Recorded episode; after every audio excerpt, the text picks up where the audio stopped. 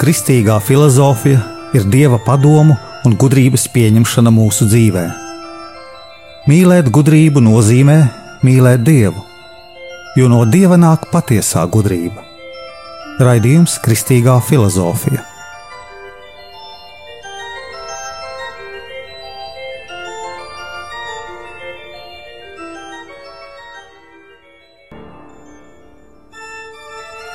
Es esmu Jānis Valtra Vitrheims, un ar jums ir 16. raidījums Kristīgajā filozofijā.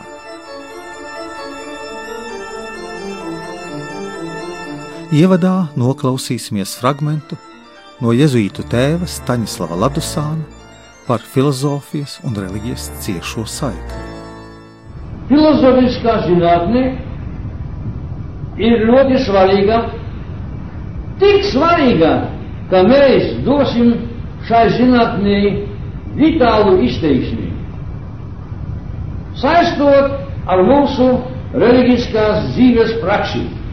Jūs dzirdējāt fragment filozofijā no jēzuītu tēva Staņislava Ladusāna 1993. gada ieraksta.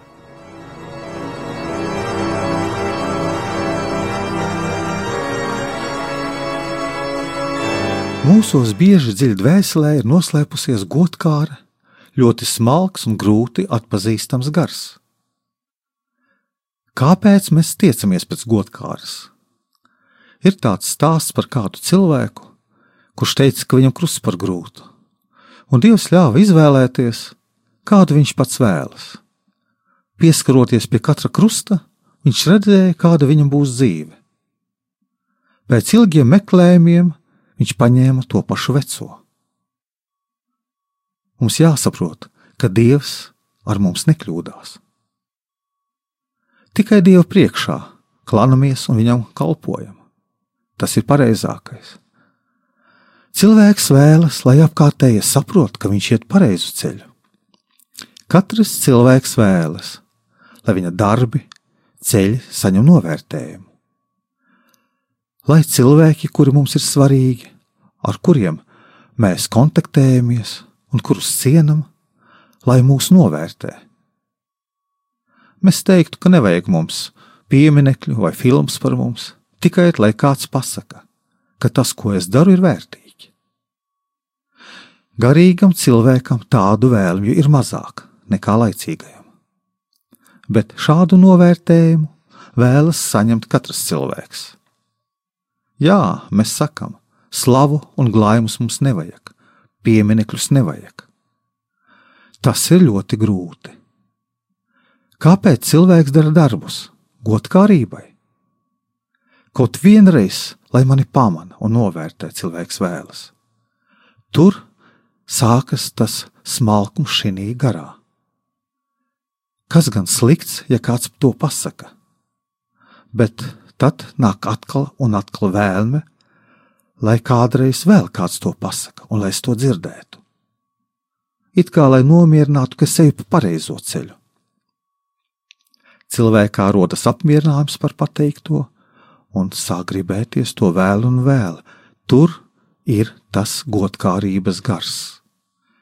Jā, ne naudas dēļ, bet Kristus dēļ mēs darbojamies, mēs ciešam viņa dēļ. Un mums rodas vēlēšanās atkal satikt to cilvēku, kurš teica, ka mēs esam labi, jo it kā tikai viņš māk mūs novērtēt. Cilvēki, kas ir ap mums, dod mums vērtību, spēku, spēku mūsu garam. Cilvēks sāk justies stiprs un vērtīgs.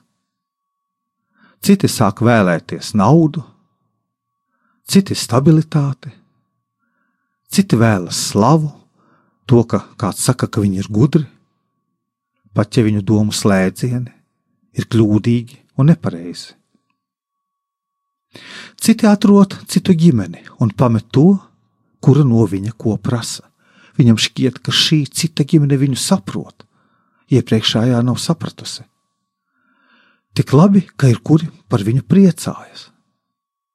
Kristus izvairījās arī no godkārības un bija diezgan stingrs pret apkārtējiem. Katrā reizē, kad garīgs cilvēks tiesā citus garīgos, slikti izturas pret baznīcas kādiem likumiem, parādās šis smalkais godkārības gars. Jau tad šī cilvēkā ir sēkla, šis lepnības gars. Nelaime ir, ka cilvēks iegūst pašvērtējumu citu acīs, jo viņš bieži atraujas no citu mīlestības. Mums citu mīlestība parāda tikai viņu sirdis, tikai viņu mīlestība pret mums. Ir mīlestība tā, kura runā tikai par šo cilvēku mīlestības piepildīto sirdi, un nav vajadzīga garīga cilvēka novērtējumam. Tas ir ļoti svarīgi saprast mūsu garīgajai attīstībai.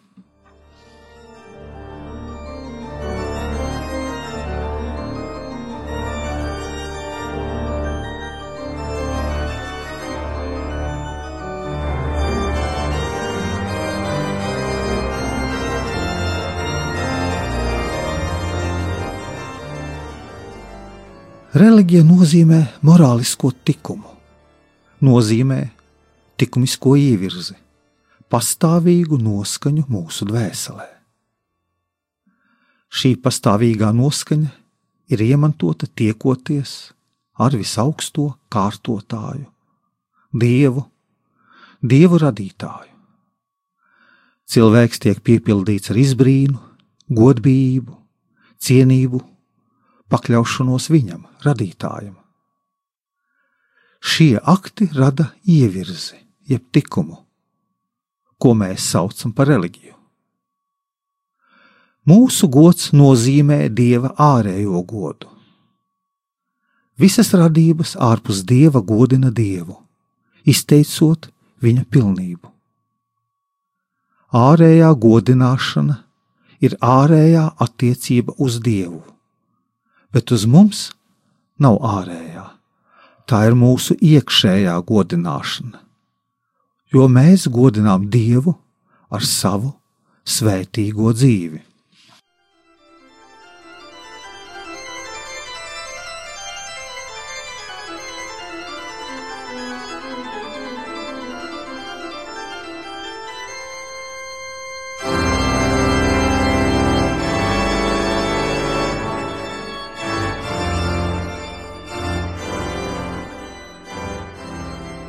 Mēs reizēm par retam pētam, kas mūs ved no kustības uz nekustāmo kustinātāju, līdz ar to uz dievu radītāju.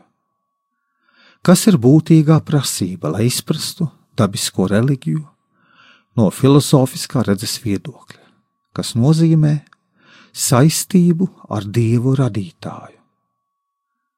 Ja cilvēks šo saistību neatklāja, viņš nevar būt reliģijos.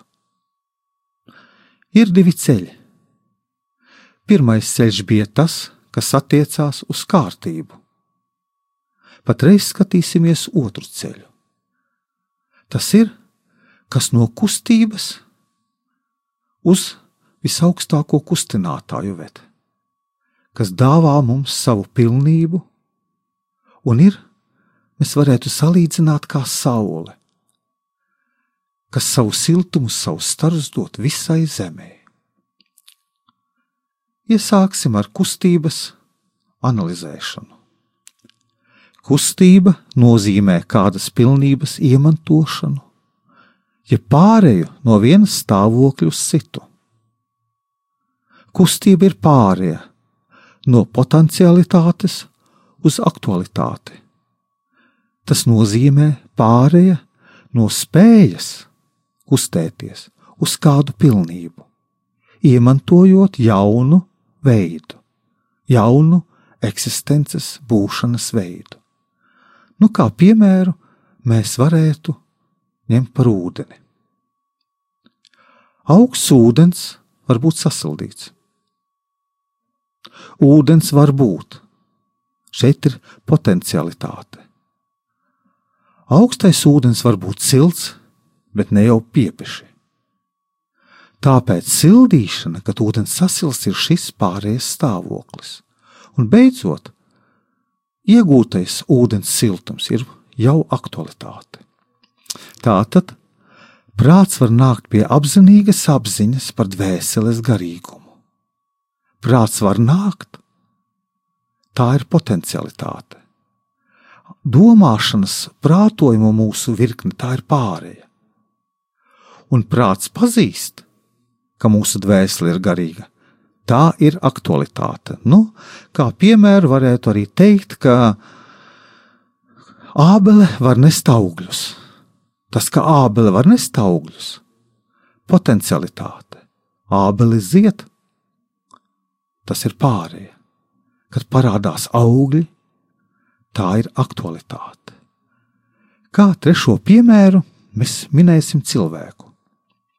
Students var kļūt par labu, dziļu domātāju. Tas, ka students var kļūt, tā ir viņa potence, potencialitāte. Pašas studijas tā ir pārēja, un aktualitāte, gala iznākums ka students ir dziļš domātājs, filozofs, patiesības meklētājs. Kustība ir mūsu pamatjēdziens, pamattermins, no kuras mēs izējam, lai atrastu dievu. Te runa ir par parādībām, ko mēs varētu saukt tādos vārdos kā tapšana, kļūšana, izcelšanās, rašana. Šie vārdi veido, un mēs paši radām ar šiem vārdiem latviešu filozofisko terminoloģiju.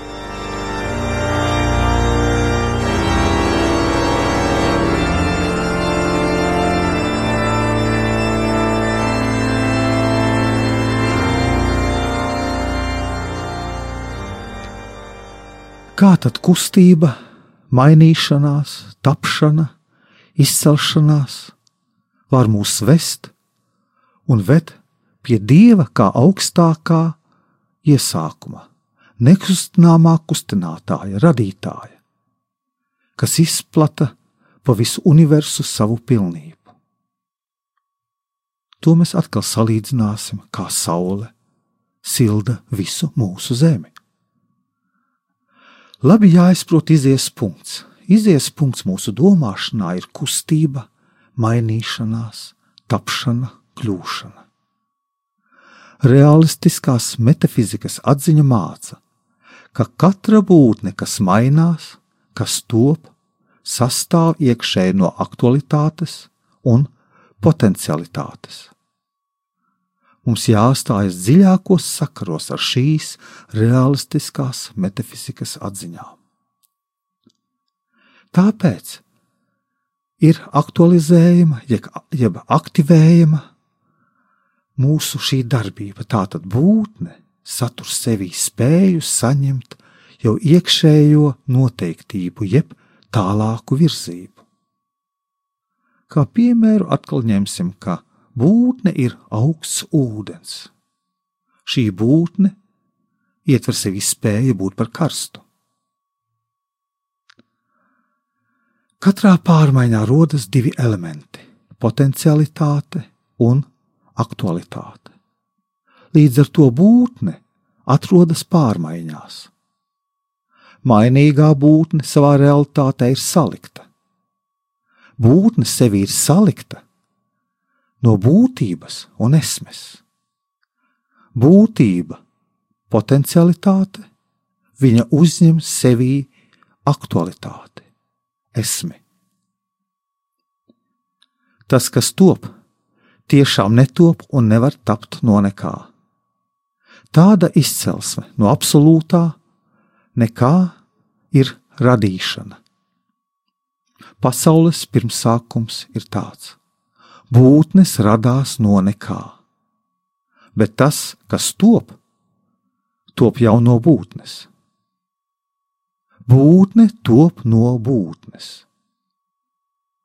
Bet tas, kas top no būtnes, top no tādas būtnes, kas ir aktualizējama.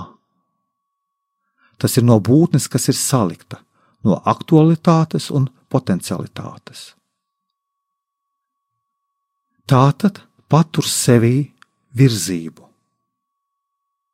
Augstais ūdens satur sevī potencialitāti, jeb spēju kļūt par karstu.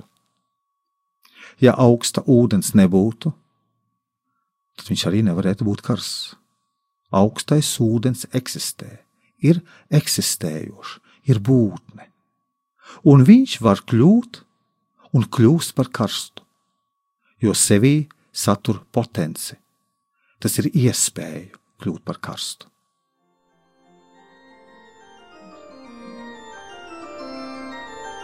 Izskanēja raidījums Kristīgā filozofija.